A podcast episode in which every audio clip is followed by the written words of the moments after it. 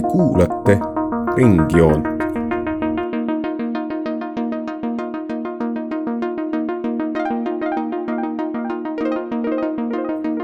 joon ringis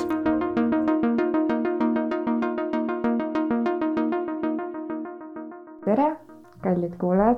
me oleme täna siin Kene raadio stuudios selleks, et äh, rääkida siis islamiusust. Eelmisel nädalal algas äh, moslemite jaoks Ramadan, mis on siis üks pühamaid aegu üldse moslemite elus iga-aastaselt ja sellest lähtuvalt äh, tuli meil selline idee, et võiks teha saate islamist, täpsemini siis sellest, et millised on islami eripärad, eelkõige sellest, mis vahe on šiia ja sunni islamil ja sellest, kuidas see mõjutab ka nende riikide välispoliitikat, sest et noh, ringjoon ikkagi tegeleb välispoliitikaga eelkõige.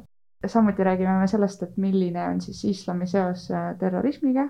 Ja kõigile nendele küsimustele vastamiseks olen ma täna siia kutsunud siis Elo Süldi, kes on Tartu Ülikooli Aasia Keskuse juhataja, islamistika lektor usuteaduskonnas ja samuti on siin täna meiega Merili Arjakas, kes on siis Postimehe ajakirjanik.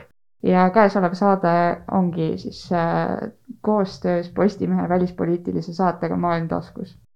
Ma arvan, et äh, võimegi kohe tegelikult asuda põhiliste küsimuste juurde, et mis on siis šiitide ja sunniitide põhiline erinevus, et, et kuidas me neid eristame?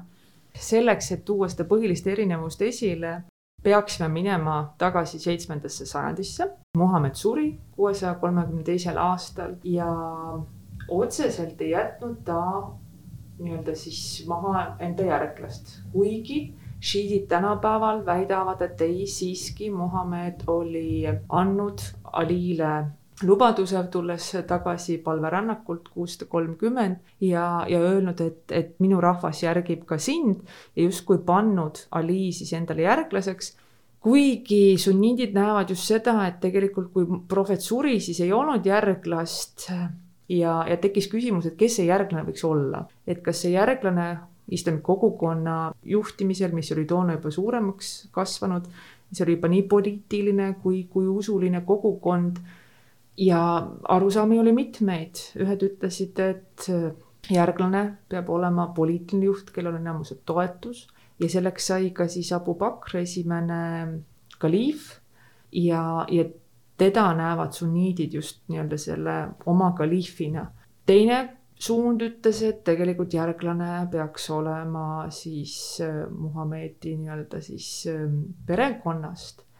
Äh, ja järglasena nähti siis Alid, kes olid Muhamedi tütrega abielus ja kolmas suund oli see, kes ütles, et tegelikult peaks olema nii-öelda see õige juht peaks olema moraalne inimene, ilma patuta, hea juht ja siis haratšiidid, kes siis, kellest siis nii-öelda see kolmas suund, ibadiidid on siis, kuidas ma ütlen siis pärit, et, et seal on, on teatud seosed.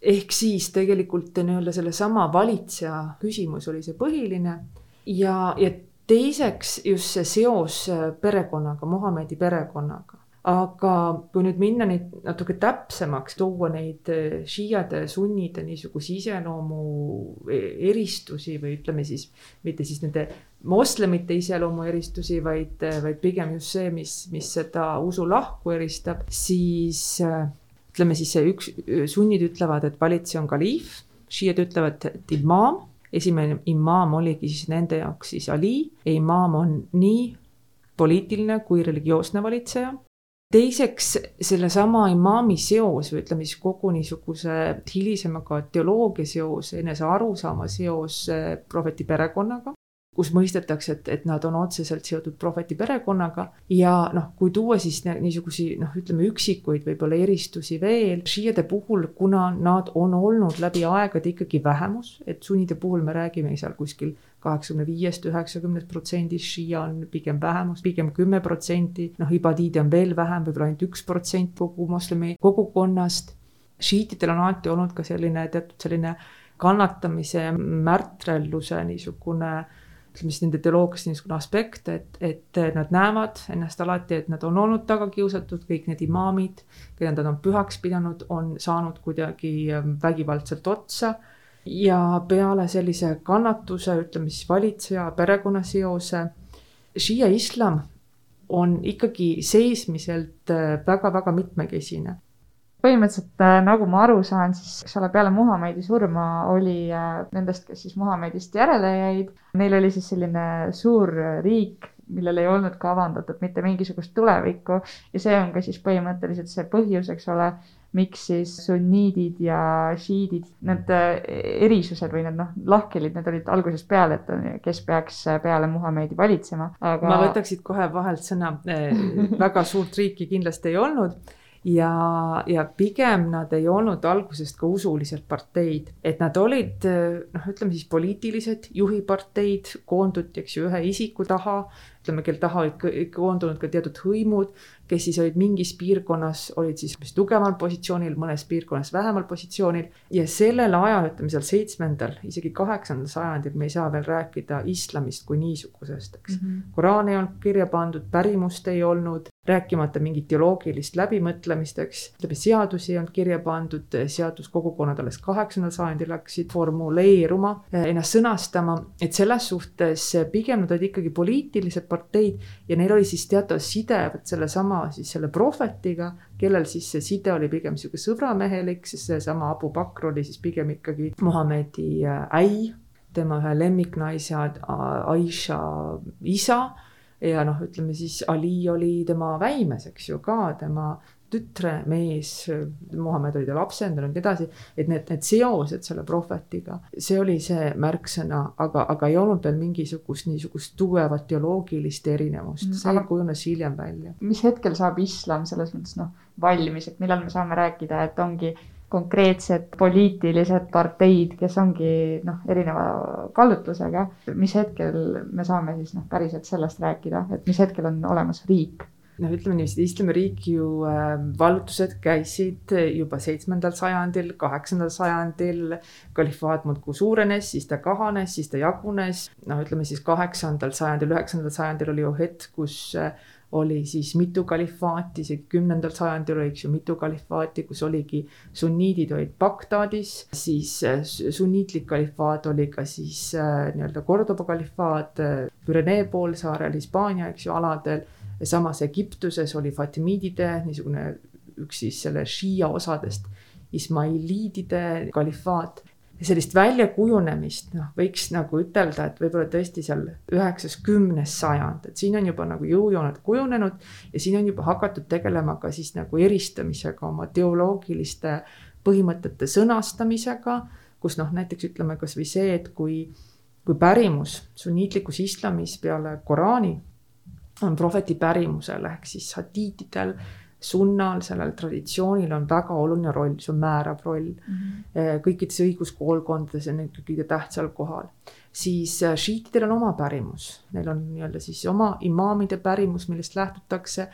Koraan äh, on samamoodi tähtis, nad loevad sama pühakirja, käivad samamoodi Mekas palverännakul, samamoodi palvetatakse küll mitte viis korda, kolm korda usutunnistus on sarnane, küll äh, šiia siis lisab usutunnistusele. Eh, peale selle, et siis Muhamed on jumala prohvet, eks ju, et ma usun ühte jumalasse.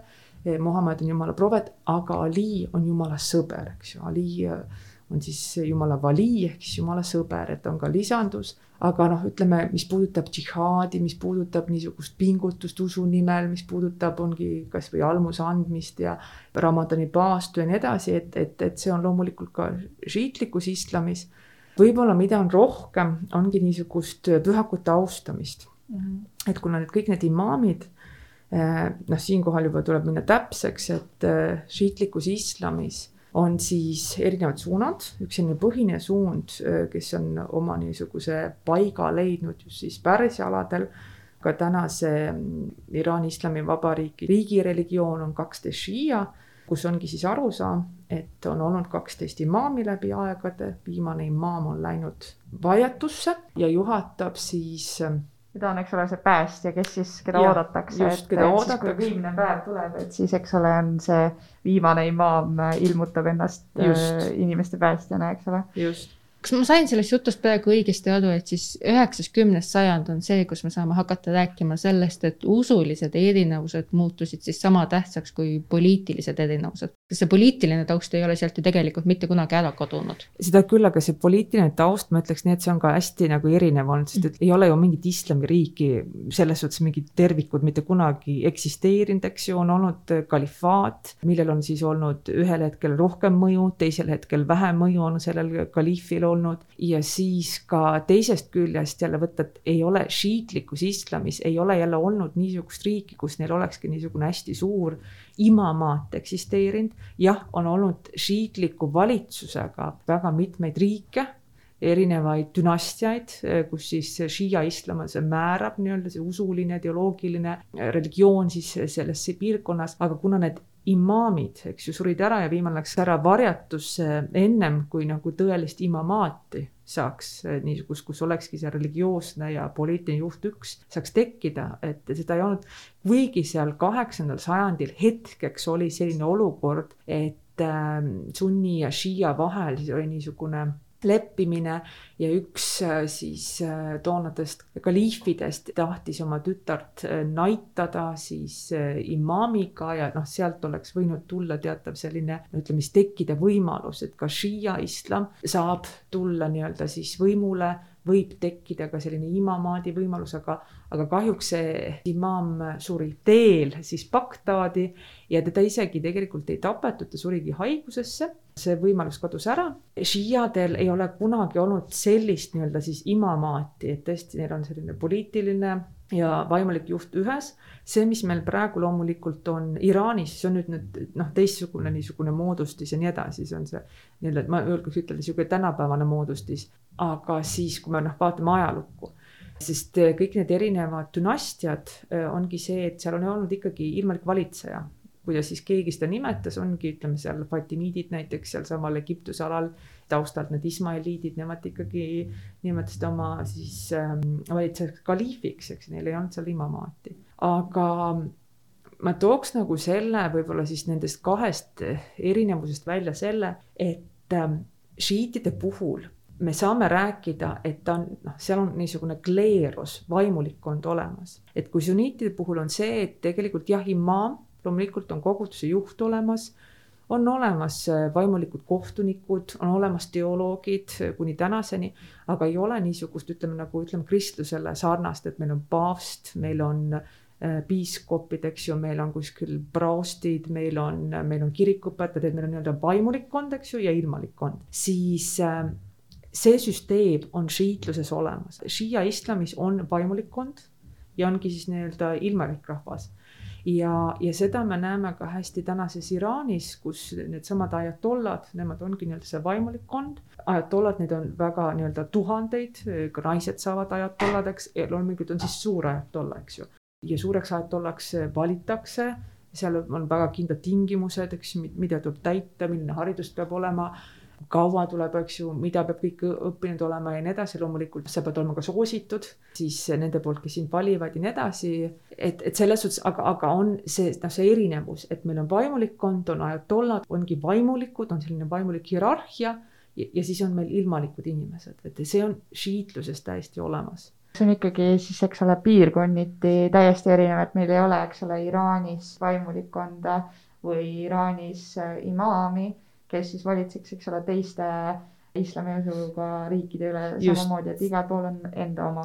ja sellepärast, eks ju, meil ei ole imaami, sellepärast im, nende jaoks imaam läks ära varjatusse, aga meil on ajatollad, kes siis, keda see varjatusse läinud imaam tegelikult ikkagi nagu siis vaimselt juhatab, et nemad on praegu see ajatolla ongi selline noh, ütleme täht või ka nagu selline jumala esindaja, jumal, noh märk jumalat, eks ju ähm,, nii-öelda ajat Allah ja, ja ta esindab siis Jumalat, aga teisest küljest noh, kui me vaatame sunnisid, et sunnidel ei ole siis ajatollasid, neil ei ole seda varjatusse läinud imaami, eks neil ei ole üldse mingisugust imaamide niisugust järjepidevust, aga ma tooksin nii palju veel esile, et ütleme, šiiade puhul on ka rohkem killustatust, sunnide puhul on ka, sunnide puhul on loomulikult meil on selline etniline, regionaalne nii-öelda taust meil on äh, erinevad õiguskoolkonnad, eks ju, kuidas mõistetakse siis islami seadust, kuidas seda tõlgendatakse ja nii edasi. aga siis šiitide puhul on see, et, et seal on väga palju erinevaid alagruppe, on saiidid siis, kes ei, ei tunnista kõike kahtteist imaami ja nende lahknemine oli siis viiendast imaamist siis on meil needsamad ismailiidid, kelle lahknemine oli seitsmendast imaamist, siis on meil aleviidid, meil on alaviidid, kes kõik seovad ennast kuidagi Aliga, nad on nii-öelda sellest šiitluse juurest nii-öelda pärit, aga teisest küljest nad on, on, on väga erinevad ja nendes kogukondades tulevad juba esile sellised suuremad erinevused sunn, sunniitidega nad on rohkem müstilised, noh, võiks ütelda isegi gnostilised, just niisuguse sellise vaimse valgustuse poole pürgivad. osades koolkondades näiteks on levinud hingede rändamise arusaamad. on osa koolkondi, kes just nimelt ootavadki seda mahtit, aga teised jälle ütleme näiteks saidiidid sarnanevad pigem sunniitidega, nemad ei oota mingit mahtit, nemad tegelikult neid imaame ka ei tunnista kuidagi selliseid jumalikustununa ja, ja, ja sellise kõrgem, nende jaoks imaam on lihtne inimene ja kui imaam näiteks ei ole heausklik, teeb pattu, siis saab imaami nii-öelda maha võtta positsioonilt, et mm, -hmm. et, mhm. et ta on ikkagi, ta on inimene juht. pöörduks korraks tagasi selle mõtte juurde, et ei ole välja kujunenud sellist ühtset riiki, mille üle valitseks imaam. kas see idee sellest, et selline riik peaks välja kujunema, on olemas, et kas võib öelda, et see näiteks Iraani välispoliitikas on kuidagi avaldunud? Iraan, kas on siis näiteks, ma ei tea, siis äh, islamimaailma Vatikan. kas nad tahaksid olla, sest nad kindlasti ei ole äh, ma, ma ei julgeks nagu seda öelda. ma ütleks nagu siis üldiselt islamis on väga selgelt äh, ideoloogiliselt siis eristatud, eks ju, et moslem elab islami valitsejaga maal.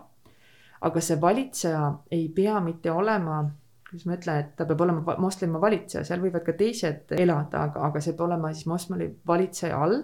aga see ei tähenda jälle seda, et kogu maailm peab tulema nagu siis noh, peaks nii-öelda siis islamiseeruma või, või, või siis olemagi ütleme siis kogu maailmas üks suur islamiriik. pigem on, on see arusaam sellest lähtuvalt, et ühel moslemil, kui ta siis kuskil elab, oleks võimalus oma usku praktiseerida ja kui tal ei ole võimalus oma usku praktiseerida, siis ta peab lahkuma sellelt maalt või siis ta peab tõesti nii-öelda siis algatama džihaadi, et tal oleks võimalus, eks ju, selles, selles nii-öelda pingutamise usu nimel. nüüd see pingutamine ei ole ühe üksikisiku äh, kohustus, et nüüd mina hakkan tegema, vaid seal on ka täpselt oma, omad sellised, oma reeglistik, kes peaks pingutama, millal peaks pingutama, kui palju neid peaks olema, kes siis pingutamist selle usu nimel teeksid ja nii edasi ja siis äh, tulles tagasi nüüd ütleme siis sellest lähtuvalt sellise, sellise pingutamise põhimõttest, et kas näiteks šiidid taotlevad mingisugust ühtset islamiriiki. ma võiks ütelda küll seda, et nad kindlasti ei taotle seda, et umbes noh, ongi, et kõik moslemid nüüd, eks tulge meie vihmavarju alla ja me oleme see kõige õigem. pigem on nendel ikkagi see hoiak, et meie oleme ka moslemid, meil on see arusaam meile, meie kaitseme nagu neid oma õigusi, oma arusaamasid. aga ei ole seda, et me nüüd eh, teeme ühe suure riigi, kus oleks, eks ju, nüüd kõik moslemid. et noh, ütleme, et seda, seda, et, et nüüd sunnisid kuidagi, eks ju, ära vallutada või, või sunnisid liita nagu enda juurde.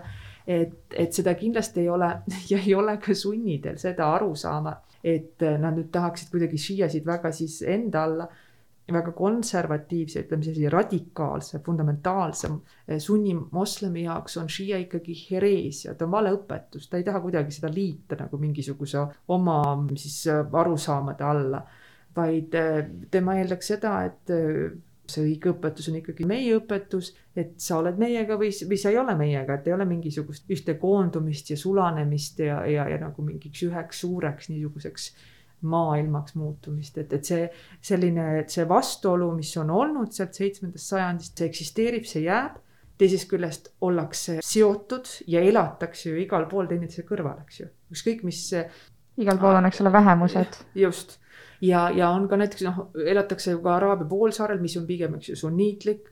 pigem ikka tõesti nagu selline noh, ütleme konservatiivsem sunniitlus, aga ikkagi šiitlus on seal esindatud et, et selles suhtes elatakse teineteise kõrval ja mingitel hetkedel saadakse paremini läbi, eks ju, mingitel hetkedel on, on, on kehvem see läbisaamine. ma olen lugenud ka väiteid, et selline noh, et need erinevused on alati olemas olnud, aga et kuidagi viimastel aastasadadel, aastakümnetel on need muutunud olulisemaks, ütleme just nagu poliitilise vahendina. et kui, et varasemalt oli ilmselt ka tagakiusamist ja konflikte, aga see, et meil siin laialdaselt praegu räägitakse mingi läänemaailmast mingisugusest sunni ja šiia vahelisest ususõdast, et tegelikult nagu aastasadu vaadates islami tuhande neljasaja aastast pikkust ajalugu, et seda tegelikult ei saa niimoodi kirjeldada ütleme nagu seda kõiki neid konflikte, olgu see siis konflikt, ütleme noh, kõige selgemad võib-olla, et Afganistanist on, on paljud sunnid tegelikult ära pagenud selle sõja ajal, ütleme siis Iraani. et Iraani tasandil ka, et meil ei ole seal ainult šiidid, eks ju, meil on samamoodi sunniidid, kes on samamoodi sõjapõgenikud, nii edasi, elavad ka sellel, sellel maal käsikäes šiitidega et näha nendes konfliktides ainult nagu usku, see on selles suhtes kriitiline, sest jälle, kui me võtame näiteks Liibanon, mis on alati olnud niisugune puhvermaa, kus siis eh, noh, mis on jäänud nii koloniaalvõimudele jalgu, eks ju, mis on siin eh, tuhande üheksasaja viieteistkümnendal aastal, eks ju, ilusti ära jaotatud, miks, mitmeks tsooniks, kellele mida ja kuidas sobib. see on ju see maa, kus needsamad usugruppidele on, eks, põhiseaduses ära määratletud, kes kuskil äh, millises positsioonis siis on, olgu ta spiiker või, või president või, eh, või siis peaminister ja nii edasi. ja seal on määratletud kõik, seal on šiiad, seal on sunnid, seal on erinevad kristlikud kogukonnad, seal on truusid, eks. et, et selles suhtes, et see mitmekesisus on aktsepteeritud olnud nüüd äh, näha näiteks, et Iraanis noh, et, et meil oli siis Saddami ajal äh, see konflikt, šiia sunni konflikt ei olnud et, et paljuski see, see ütleme seal seitsmekümnendad, kaheksakümnendad, kui need riigid said seal peale teist maailmasõda ju said alles paljud riigid vabaks. Põhja-Aafrika ja, ja, ja siis Araabia ja siis Lähis-Ida, eks aladel. et see vabanemine tegelikult oli siis peale teist maailmasõda siis kõigepealt ju tegelikult olid nad ikkagi, taheti sellist sekulaarset riiki üles ehitada, olid sõjakindralid, kes rääkisid hoopis ühtsest Araabiast ja Araabia identiteedist, mitte islami identiteedist, eks ju. see, see usu roll, eh, noh, mina julgeks ütelda, tuleb alles, noh, see on olnud niiviisi vaikselt, aga see tuleb alles eh, võib-olla seal üheksakümnendatel, kui eh, külm sõda lõpeb, kommunism laguneb ja siis loomulikult tekivad igasugused konfliktid pidevalt niiviisi ja on vaja läänele seda teist vastast, eks ju, mis on nüüd see vastane. ja läänemaailm on vaat islam, et islam ei ole enam religioon, vaid see on ideoloogia ja siis hakatakse pigem siis seostama ka kõiki neid usulisi erinevusi ideoloogiatena. aga me ei saa nüüd ütelda, et nagu šiia ja sunni on ideoloogiad. noh, et see, see, see nii kaugele ei saaks minna, et nad, nad on ikkagi jah, nad on usuvaldkonnad, neil on omad noh, ongi, et kes käib palverännakul kuskil, eks ju, kes mida peab, mis, mis pühasid peetakse, mida süüakse, mida ei süüa, eks ju. kuidas, ma ei tea, midagi tähistatakse ja nii edasi. see, see islam muutub poliitiliseks ideoloogiaks, ta, ta muutub selle lääne nii-öelda sellest vastasmängijaks, sest kommunismi enam ei ole ja, ja siin nagu siis nähaksegi sellist, hakatakse sellist ideoloogilist konflikti tegelikult nägema ka siis nendes, nendes riikides. ja loomulikult ressursside peale, eks ju, vaieldakse, loomulikult me ei saa ütelda, et Saddam oli nüüd selline tõsine tõsiusklik, eks ju, sunni ja, ja, ja tegelikult kõik see, mis ta tegi, ta tegigi šiitide vastu, see, see on, see on hoopis teised nagu tasandid tegelikult, miks need poliitilised konfliktid on tekkinud. mina ei, ei viiks äh, seda nii-öelda sellele usutasandile. Aga loomulikult me võime nagu näha ka seda et ühel hetkel siis eh, nagu nähakse neid erinevusi ja siis juba erinevuste kaudu siis tuleb ka, mis ütleme, selline süüdimõistmine või süüdistamine või, või siis ka vägivallatsemine. sest kui me mõtleme näiteks kasvõi ISISe peale, eks ju, mõtleme üheksa-kaheksa aastat tagasi, kaks tuhat kaksteist, kaks tuhat kolmteist, noh sealt edasi, et kõik see konflikt, see ei olnud enam sunni-šiia konflikt, eks ju kuigi tegelikult šiidid samamoodi väga kannatasid. aga selle konflikti kaudu tuli järsku Lähis-Idas ilmsiks noh, veel rohkem erinevaid neid gruppe, kes tegelikult seal Lähis-Idas on. ja, ja paljud näiteks need grupid ei ütlegi, et me oleme mingid šiiad ega aleviit ei ütle sul või alaviit, et tegelikult ma olen nagu šiia moslem, jah. mingi jutu käigus lõpuks äh, võib ta, aga ta on ikkagi alaviit, ta on ikkagi aleviit ise salafistid või vahabistid, eks ju, ta ei ütle, et ma olen nüüd nagu sunni niimoodi, noh. ta ütleb, et ma olen kõige õigem, ma olen kõige õigem. ja, ja jälle see, see tatari moslem, eks ju, Eestist ei, ei arva üldse niiviisi, et need vahabiidid seal Saudi Araabiast oleks need kõige õigemad. miks nemad on kõige õigemad? Aga kui sellest, kes on kõige õigem, kui siit korraks kõrvale põigata, et kui me räägime kellelegi, kes võib-olla natukene näpuotsaga teab sellest midagi, mis on islam ja kes on kuulnud sunniitidest ja šiitidest, siis tihti arvatakse, eks ole, et šiidid on kuidagi radikaalsemad ja konfliktsemad millest see siis üldse tuleneb, et kas šiidid ongi siis usuliselt konfliktsemad, kas nende džihaadi tähendus on kuidagi siis noh, erinev äh, sunniitide džihaadi tähendusest või kust see, kust see kõik üldse tuleb, kuidas see kõik on noh, tavainimesele siis noh, pähe niimoodi programmeeritud? ma ütleks niiviisi, et mi, miks räägitakse, et šiidid on natuke konfliktsemad, sellepärast et tehakse järeldusi tänasest äh, Iraanist mm. -hmm aga Iraani, kuidas ma ütlen, probleemid ei ole nende šiitluses mm. -hmm vaid Iraani probleemid on noh, seal viiekümnendates, kuuekümnendates aastates, eriti viiekümnendates aastates, kui ka läänemaailm sekkus nende siseküsimustesse, eks. kui neil olid valimised ja Musageni sai siis presidendiks ehk siis selline venemeelne, kommunismimeelne president, kes tahtis maavarasid, sealhulgas ka siis naftakompaniisid riigistada, mis kaugeltki ei sobinud Ameerikale.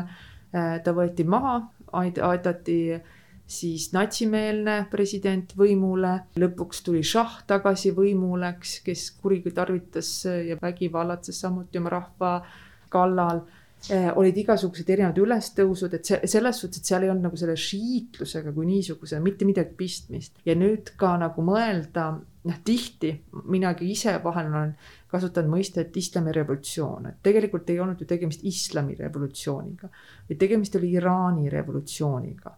Et Iraani pinnal olid siis need erinevad võimuvõitlused, rahvas tahtis ühte mingi seltskond rahvast tahtis midagi muud, aidati ajatolla, siis suure ajatolla Khomeini, Khomeini siis ähm, võimule. see, milliseks Iraan on tänaseks kujunenud, et ta tundub agressiivne, pigem ongi see, et ta on pigem selline kaitsepositsioonis. miks, sest ta on pikka aega olnud lääne nii-öelda siis blokaadi all kannatanud ja ka seda, et on seal seesama lääne ja ütleme siis selle, selle, selle Iraani vastasus, aga see ei ole lääne ja šiia vastasus ja see ei tule niivõrd seal šiitlusest. võib-olla, mis sealt šiitlusest tuleb, ongi see enese mõistmine ohvrina, et ta ongi tegelikult ka läänemaailma ohver nagu lääs on teinud, et noh, et, et talle on tehtud, ebaõiglaselt tehtud, eks ju, kuidas tema sisepoliitikasse on sekkutud ja, ja no nii edasi. et nad on niigi, eks ole, niisuguse märtri mentaliteediga aegade algusest peale olnud, eks ole, vähemus ja siis, eks ole, tulevad imperialistid oma jutuga, et, et see, mida te teete, on vale, et võib-olla see haavatus on, on, on selles mõttes arusaadav. aga mida tähendab äh, sisepoliitiliselt tavalise elaniku jaoks mida tähendab see sunni ja šiia vahe? oleneb kus. et oled, oletamegi, et me oleme täna siin rääkinud palju Iraanist, mis vahe on inimesel, kes elab äh, Iraanis ja inimesel, kes elab siis mõnes äh, sunniitlikus riigis, äh, näiteks siis Saudi Araabias? Saudi Araabia on ka üks kõige niisugune nagu, kuidas ma ütlen, ekstravagantsem või konservatiivsem riik, keda nagu võtta, võtta, võtta võrdluseks. ma arvan, et sunniidil Iraanis elada on täiesti elatav, täiesti tehtav, sest, sest sunniitlus ei ole Iraanis kuidagi keelatud religioon või nagu selles suhtes, et ta ei ole nagu tabuu, me võiks võtta vastupidi, Bahail. Bahai usundi esindajal on Iraanis äh, üliraske elada, alates kasvõi sellest, et kui ta oma usku tunnistab, siis ta mitte ainult vanglakaristusega, vaid me võime arvestada ka võib-olla surmanuhtlusega veel, veel räigemalt, ma arvestan näiteks jah, et kui surmanuhtlust ei tule, näiteks tal võetakse lapsed ära, sellepärast et jumala eest nendest ei kasvaks ka bahaisid.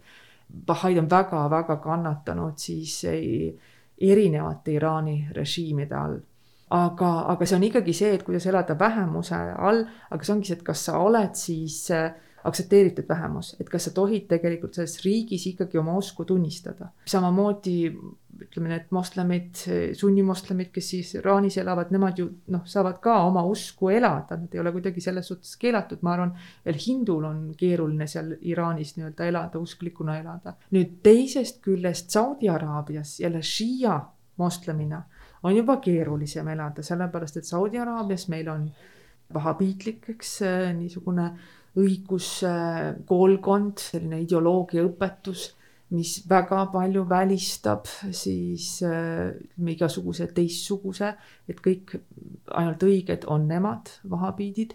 ja selles suhtes äh, šiidid on ikkagi hereetikud äh,, küll on äh, ma ei ütleks Saudi Araabias, aga nagu laiemalt siis noh, näiteks Bahreinis, eks ju, on ka meil šiitlikud äh, kogukonnad ja minu meelest ka Saudi mingis väikses osas on siis mõned šiidid, äh, kes loomulikult kannatavad tagakiusu all kes ei saa avalikult teatud pühi või teatud siis äh, rituaale siis äh, pühitseda, mis on, mis on omane nagu siis nende religioonile, noh näiteks ütleme igasugune siin palverännakul käimine ja nii edasi, mis tegelikult äh, vahabiidide jaoks on pühakute hauale või imaamide hauale palverännakul käimine, see on, see on, see on valeõpetus, eks ju et selles suhtes, et neil on kindlasti seal tunduvalt ras-, raskem ja nemad kannatavad siis šiiad siis Saudi Araabia kontekstis kindlasti tagakiusu all. Aga teisest küljest Saudi Araabia kontekstis kannatavad nagu kõik, kes on teistsugusedki mingilgi määral noh, tagakiusu all mm. -hmm aga nagu, kui me räägime šiia usulisest äh, Iraanis ja me võrdleme siis sunniusulist, kes elab äh, Saudi Araabias, siis nagu kas šiia usuliste elu on rohkem reglementeeritud, kas äh, näiteks naistele on pandud äh, peale karmimad õigused, mis võib-olla limiteerivad nende võimalusi rohkem või, või see on samamoodi mingisugune eurotsentristlik vaade, mis ma arvan, see on eurotsentristlik vaade ja ma julgeks ütelda seda, et ma arvan, naisena Iraanis on tunduvalt parem elada kui naisena Saudi Araabias, ole see sunni või šiia. Et ja need ei tule ka mitte niivõrd sellest sunni, sunniitlikust ja šiitlikust põhimõtetest, vaid need tulevadki seal riigi nii-öelda siis riigi ideoloogilistest ja riigi selle valitseja põhimõtetest, eks. sest selles suhtes ka, et me räägime, noh, on oluline, et me mõistaksime, me räägime tänasest Iraanist, eks ju, või tänasest Saudi Araabiast. võtame, võtame, võtame noh, võtame viiskümmend aastat tagasi, võtame aasta siis, ma ei tea, tuhat üheksasada seitsekümmend kuus, eks ju noh, see olukord, naise olukord sellel hetkel Iraanis oli absoluutselt midagi muud. et see on nagu hästi oluline, et see, see naine võis samamoodi šiit olla, ega šiiitlus ei ole nüüd viiekümne aastaga nagu, ma ei tea, radikaalsemaks või vähem radikaalsemaks oma ideoloogiat kaotanud või midagi muutnud. Šii-, šiitlus on ikka šiitlus seal, lihtsalt ongi see, et kes on võimul ja, ja mida see endaga kaasa toob, et sama hästi me võime mõelda kasvõi Eesti peale, eks ju, et millised valitsused ja millised põhimõtted see on väga huvitav, sellepärast et ma olen nii palju näinud iga, igasuguseid äh, pilte meedias, kus, äh, kus siis põhimõtteliselt äh, portreeritaksegi näiteks Shia usulisi ja siis on naised, eks ole, täielikult purkaga kinni kaetud. purkaga kindlasti mitte, pigem Aha. ikka selle, ütleme see tadoor vist või noh, et, et, et nad on ka kinni kaetud, mis on kohustuslik, eks ju, mis, mis, mis jääb jälleks teatud valitsusperioodi juurde. jälle seda ei olnud viiskümmend aastat tagasi see on pigem seotud nii-öelda mitte selle šiitlusega, sest me ei näe neid šiitlikke naisi, meil on ka ju Eestis šiiamoslemid ja, ja me ei näe neid siin ja noh, ütelda nüüd nii, et, et meie Eesti šiiamoslemid ei ole nagu päris šiiad. et need šiiad, kes siis seal Iraanis on tunduvalt paremad šiiad või noh, või, või, või näiteks Liibanoni šiiad on ka natuke halvemad šiiad kui Iraani šiiad, sellepärast et nad ei kanna selliseid äh, rätikuid peas et noh, et see on, see on jälle, et see ongi see, et mis selle riigi reeglid on mm. -hmm. et, et see on nagu siis see, see ei ole selle šiitlusega seotud, vaid siis et süsteemiga. põhimõtteliselt see, mida me selle saate jooksul oleme siis aru saanud, on see, et me ei saa teha mitte mingisuguseid üldistusi, sellepärast et tõesti ongi kõik riigil põhinev ja me saame lihtsalt tehagi mingeid usuliste eelistustega seotud eristusi aga me ei saa selles mõttes võrrelda neid kahte poliitiliselt eriti, sellepärast et noh, äh, nende riikide välis- ja sisepoliitika sõltubki täielikult sellel, sellest võimust, kes äh, parasjagu, eks ole, võimul on. aga kui me liigume siit korraks edasi terrorismi juurde, sellepärast et see on, see on põhimõtteliselt kõige kuumem teema, on ju, et kui ma ütlen kellelegi tundmatule inimesele tänaval, et äh, millega sa seostad islamiusku, siis väga tihti tegelikult see seos on terrorism. ja ma tahaks nagu küsida võib-olla siis seda, et kust see seos on tekkinud? Lääne meediast et, et või noh, ütleme kaasa arvatud meie Eesti meediast, et ma just täna lõpetasin artikli kirjutamise, kirjutamise just sellel teemal et, et kui me vaatame ka Eesti meediat ja vaatame seda, mis seal Eesti meedias äh, moslemite kohta kirjutatakse, siis Eesti meedias ei kirjutata Eesti islami kogukonna kohta. Üliharuharva, ma arvan, isegi aastas üks artikkel ei tule selle kohta, mitte mida, mitte midagi ei tule selle kohta parandan, tuleb siis, kui kapo on avaldanud, et seal on mingisugused seosed terrorismi rahastamisega siis seda teemat kajastatakse. aga ei kajastata seda Eesti moslemit, ütleme mm, -hmm. siis kajastatakse, ongi mingisugust kogukonda, et mingi, mingit sellist nagu üksikut isikut või midagi niisugust ei, ei kajastata neid tatari usulasi, ei kajastata meie aserid, eks ju, kes on nagu siis šiia, nii-öelda šiia islamiusulised ja teisest küljest, kui moslemeid kajastatakse, kajastataksegi siis nende erinevate Lähis-Ida konfliktidega, eks. ja neid on palju, neid on viimasel, ütleme seal kümnel, kahekümnel aastal olnud ju väga palju. teiseks siis see pilt, mis luuakse, ei olegi nii-öelda mitte see moslem, kes meil siin Eestis elab, vaid see moslem, kes elabki seal Araabias, kes elabki seal Egiptuses, kes mm -hmm. elabki äh, kuskil seal Jordaanias, eks ju, see on see pilt, mida siis esindata, esitatakse teiseks on mm, väga palju tegelikult selle pildi esitamisel on, on ka see, et noh, mida siis tahetakse, kas tahetakse hirmutada, et nad ei tuleks siia, sest nad on võõrad, nad on teised. kas siis, ma julgeks ütelda ka oskuse taga, et, et ei teata väga palju ja see, millega ollaksegi näiteks sõjaväelasena kokku puudutud, kui sa nii-öelda siis lähed Afganistani ja sõdid Talibaniga no siis sa puutudki kokku Talibaniga, eks ju, sa puutudki tegelikult kokku selle äärmusliku grupiga. aga teha nüüd järeldust, et see äärmuslik grupp ongi kogu islam, eks, et see äh, islam on väga mono, monoliitne grupp, eks. et see on see noh, ütleme see, see, mida tehakse. ja teine on seesama, et, et kuna islam tuuakse esile alati siis konfliktiga, et ongi mingi konfliktsituatsioon, mingi pomm on kuskil plahvatanud, mingisugune sõda on kuskil pääsenud välja ja nii edasi. no näiteks ma julgeks ütelda, et aga kui näiteks räägitakse Jeemenist, kodusõda, eks ju, niiviisi siis tegelikult väga palju ei räägita seal nagu siis nendest nagu moslemitest ja ei räägita islami nagu seal ongi, see on saidi, saidiidid, eks ju, ja, ja noh, nii-öelda seal, seal on ka need väiksed grupid, seesama niisugune. räägitab, räägitakse, eks ole, terroristidest. ja räägitakse, et, et on ühed terroristid aga tegelikult isegi noh, ütleme seda veel ei, ei seota nii täpselt, eks ju, võib-olla isegi moslemitega räägitaksegi terroristid. siis kui noh, ütleme siis ISISe puhul ütleme kõik see, mida kajastati seal kuni kaks tuhat kolmteist kuni siis ütleme siin kaks tuhat, ma ei tea, kaheksateist. et, et siis oli ka see, see noh, ütleme, et see, mida kajastati, on see kõige, kõige räigem osa üleüldse mm. -hmm. noh, see on täpselt sama, vabandust, ma nüüd selle näite teen, aga, aga kui nagu e, Eesti naistega seoses e, näiteks kajastatakse ainult ütleme prostitutsiooni ja siis tehaksegi nagu järeldus, et kõik Eesti naised on kuidagi prostituudid, eks ju, vot see, vot see on selline võrdlus mm. -hmm. et aga, aga meil on nagu, on, ongi inimesed, kes on sunnitud oma keha müüma mingil põhjusel.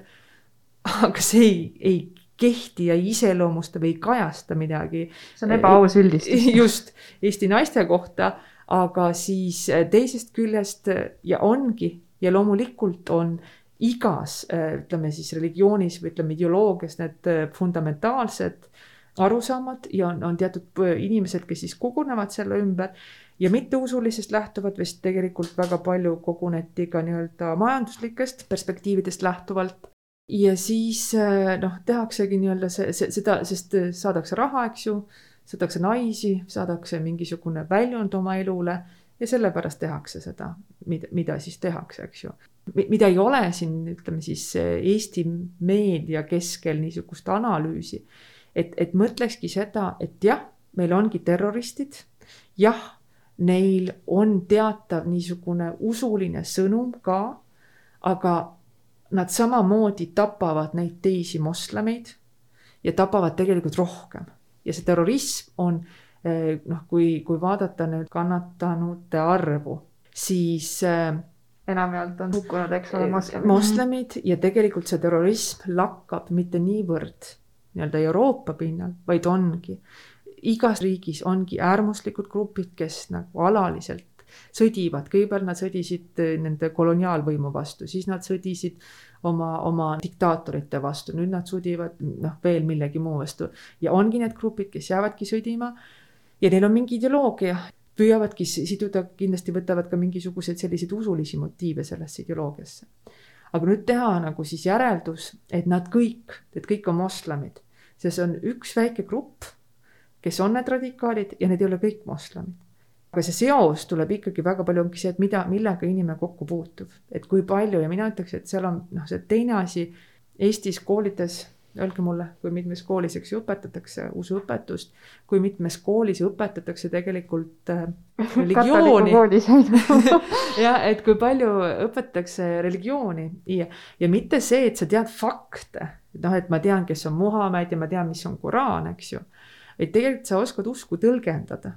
Et sa nagu näed, näed neid erinevusi, näed neid inimesi, saad aru nende, nende põhimõtetest, nendest väärtustest, nii edasi, et sa oskad seda kõike tõlgendada, et sa oskad ka seda kultuurilises, ütleme seal etnilises kontekstis tõlgendada, sest paljud kultuurid, me oleme seotud, eks oma nii-öelda see, meie usk on seotud ka meie kultuuriga, sealt, kust me pärit oleme. kasvõi nagu Poola ja katoliiklus või, või võtame, võtame Hiina ja konfutsionalism, eks ju, või noh, et või, või India ja hindud, eks, et, et see see seos selle nii-öelda selle regiooni etnilise tausta, kultuuri ja kõige, kõige sellega. ja kui palju me oskame seda tõlgendada, kui palju me nagu aru saame, mõistame, suudame võrrelda, noh, nähagi seda erinevat pilti. ja kui meil seda ei ole, me ei tea täpselt, ütleme siis, kes on Muhamed. minul endal on niisugune tore kogemus olnud, et kasutasin üht projekti raha ja siis pärast pidin tegema siis niisuguse aruande ja, ja siis oli, see oli projekti raha oli seotud äh, rahaga, mis oli antud õppeaine jaoks äh, tänapäeva islam mm. -hmm ja mina siis kirjeldasin, et ma, ma käisin raamatukogus ja ma tegelesin ja ma tegelesin prohvet Muhamedi uurimisega ja, ja nii edasi. ja siis ma sain kirja, kurja kirja ametnikult, äh, kes esitas väga konkreetse küsimuse, et mida te endast mõtlete kuidas on tänapäeva islam seotud Muhamediga, palun öelge mulle seda, eks. et, et mida, mida te endast mõtlete ja vot sellel hetkel noh, võib küll vihastada, aga siis mina keerasin käist ülesse ja kirjutasin, kuidas on Muhamed seotud tänapäeva islamiga, et endiselt, eks, usutakse prohvetisse, endiselt on see usutunnistuse osa, kahju küll, eks ju, või, või mitte kahju küll, aga, aga noh, on nii.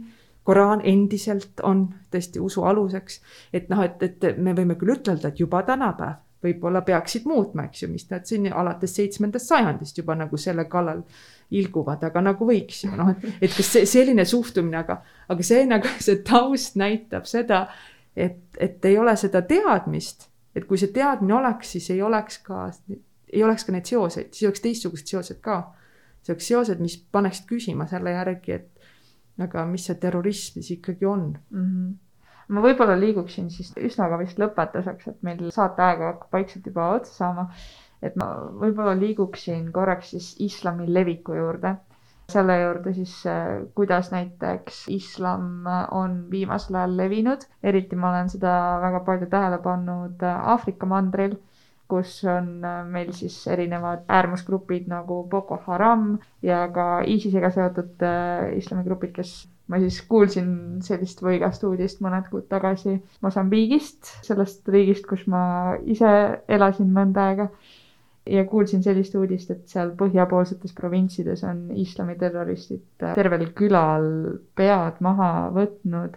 Ja noh, need on siis võib-olla siis need asjad, mis jõuavad meieni äärmuslikest gruppidest, aga kuidas siis see islami levitamine tänapäeval toimub, et kuidas on võimalik, et see Aafrikas on äh, nii kiiresti levinud, see islam ja, ja noh, võib-olla ka lihtsalt spekuleerida, et mida sellega peaks ette võtma, et kuidas sellele peaks reageerima rahvusvaheline ühiskond? kuidas sellele peaks reageerima rahvusvaheline ühiskond, kui külal võetakse pea maha, siis ma arvan, kindlasti rahvusvaheline ühiskond peaks sellele reageerima aga ma arvan, et see, neid päid ei võetud sealt kindlasti maha mitte sellepärast, et, et see, see on väga kuidagi seotud islamiga, vaid see ongi sisemised mässulised, kes tahavad oma võimu kehtestada ja, ja nad ei tee seda kuidagi nagu siis austusest Jumala vastu ja nii edasi.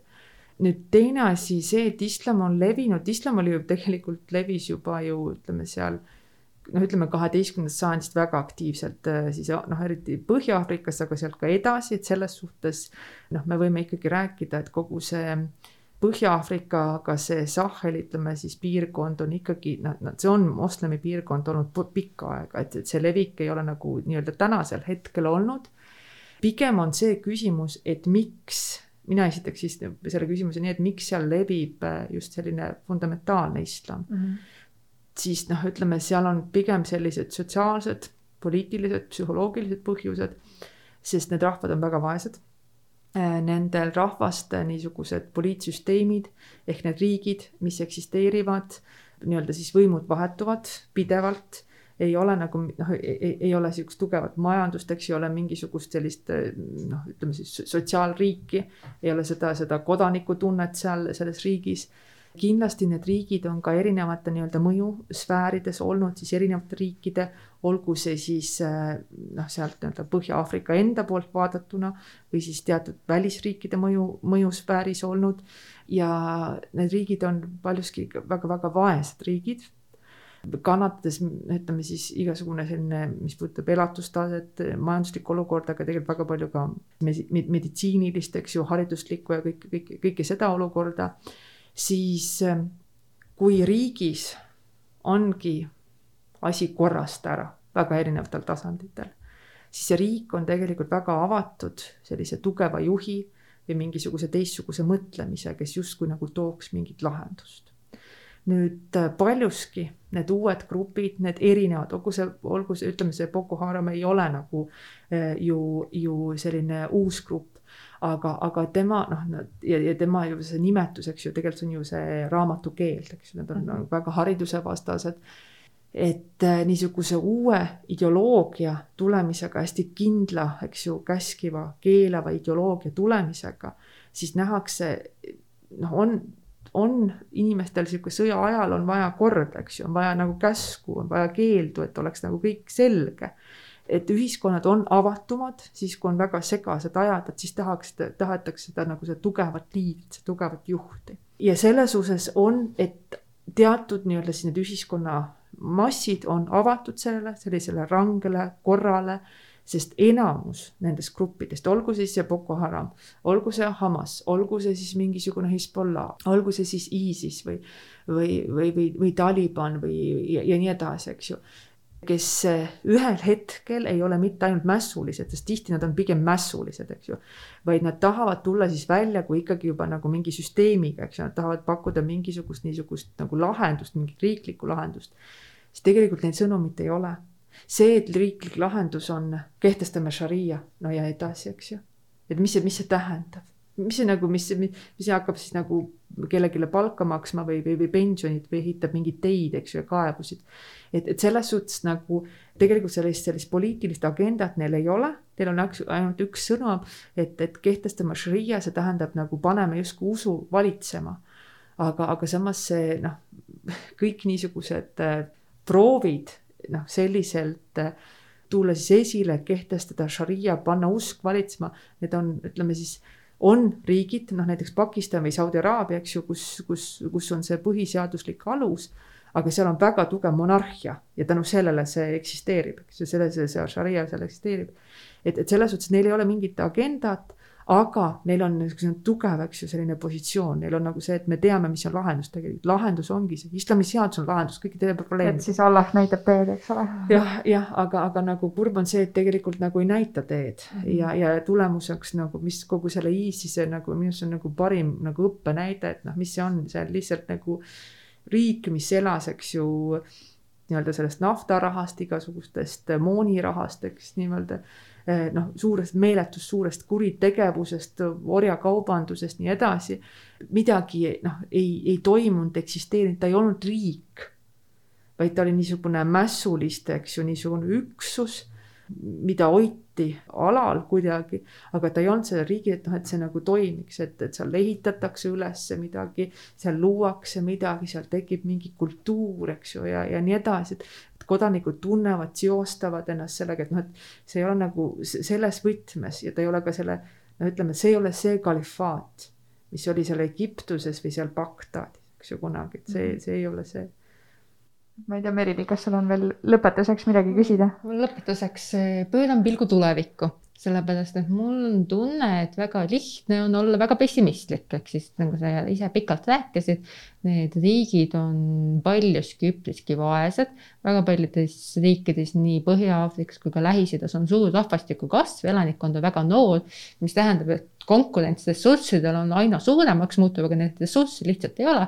peale tuleb veel kliimamuutus, viimaste aastakümnete sõjad tähendab, et nagu ühiskondlikud struktuurid on ära lõhutud kas meil on üldse nagu mingisuguseid lootuskiiri, et see asi kunagi võiks paremaks minna või mida peaks tegema, et see läheks? mulle meeldis hiljuti Tiit Tammaruga rääkisime just MENA riikide ehk ongi, ütleme siis me räägime siis Põhja-Aafrika, Lähis-Ida, Araabia riikide demograafilistest muutustest ja huvitav on see, et tegelikult noh, räägitakse, räägitakse väga palju, ta ongi noor ja ongi elanikkond noor seal on olnud nii-öelda demograafiline plahvatus kaheksakümnendatel ja nii edasi. aga tänased trendid ja tänased nii-öelda sõna otseses mõttes arvud, mis ei valeta, näitavad, et aastaks kaks tuhat viiskümmend on ka needsamad siis Põhja-Aafrika, Lähis-Ida, Araabia riigid eh, probleemi ees, samasuguse vananemise probleemi eest nagu Euroopa ja nad peavad nagu mõtlema oma ühiskonna struktuurid üle, sest tegelikult sündimus mitte ei kasva, vaid kahaneb. ja, ja keskmiselt arvestatakse, et aastaks kaks tuhat viiskümmend on peres alla kahe lapse nii et võib-olla siis nagu ütleme, et kui numbrid ei valeta ja vaadata graafikuid, siis teatud mõttes see plahvatusoht mis on seotud ülerahvastamisega, mis on seotud ka ütleme sellise noore pulbitseva äh, elanikkonnaga, kellel ei, ei leita neid rakendusi, eks ju, ei leita siis ka tööd ja nii edasi. see rahvastiku arv ei kasva plahvatuslikult, vaid nähakse, et pigem see nagu hakkab, hakkab kahanema. ja, ja teine asi on see, et need riigid tegelikult on muutuste ees et erinevad, ütleme siin Maailmapanga ja erinevates niisugused, ütleme siis arenguindeksid ja, ja äh, uuringud näitavad seda, et esiteks nendes ühiskondades antakse rohkem haridust. Ka naistele antakse rohkem haridust, ka pööratakse rohkem tähelepanu sellele, et tööturule, tööturule saavad ka naised ja ütleme siis ka oskuste poole pealt järjest rohkem hakatakse pöörama ka sellele tähelepanu, et me oleme maailmas, kus ei maksa enam mitte diplom, vaid maksab oskus. ja oskus, ütleme, et kui vanemal generatsioonil on diplom, siis oskused on nooremal generatsioonil, et seda nooremat generatsiooni läheb järjest rohkem vaja.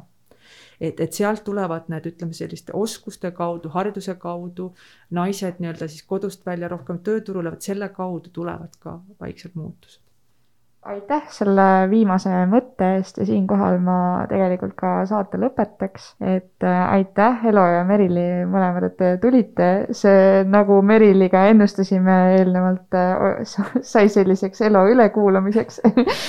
Aga mina sain äh, siit küll päris palju targemaks ja ma loodan, et teie kuulajad saite ka omale selgemaks natukene seda, mis siis islamimaailmas toimub ja kohtume juba järgmisel nädalal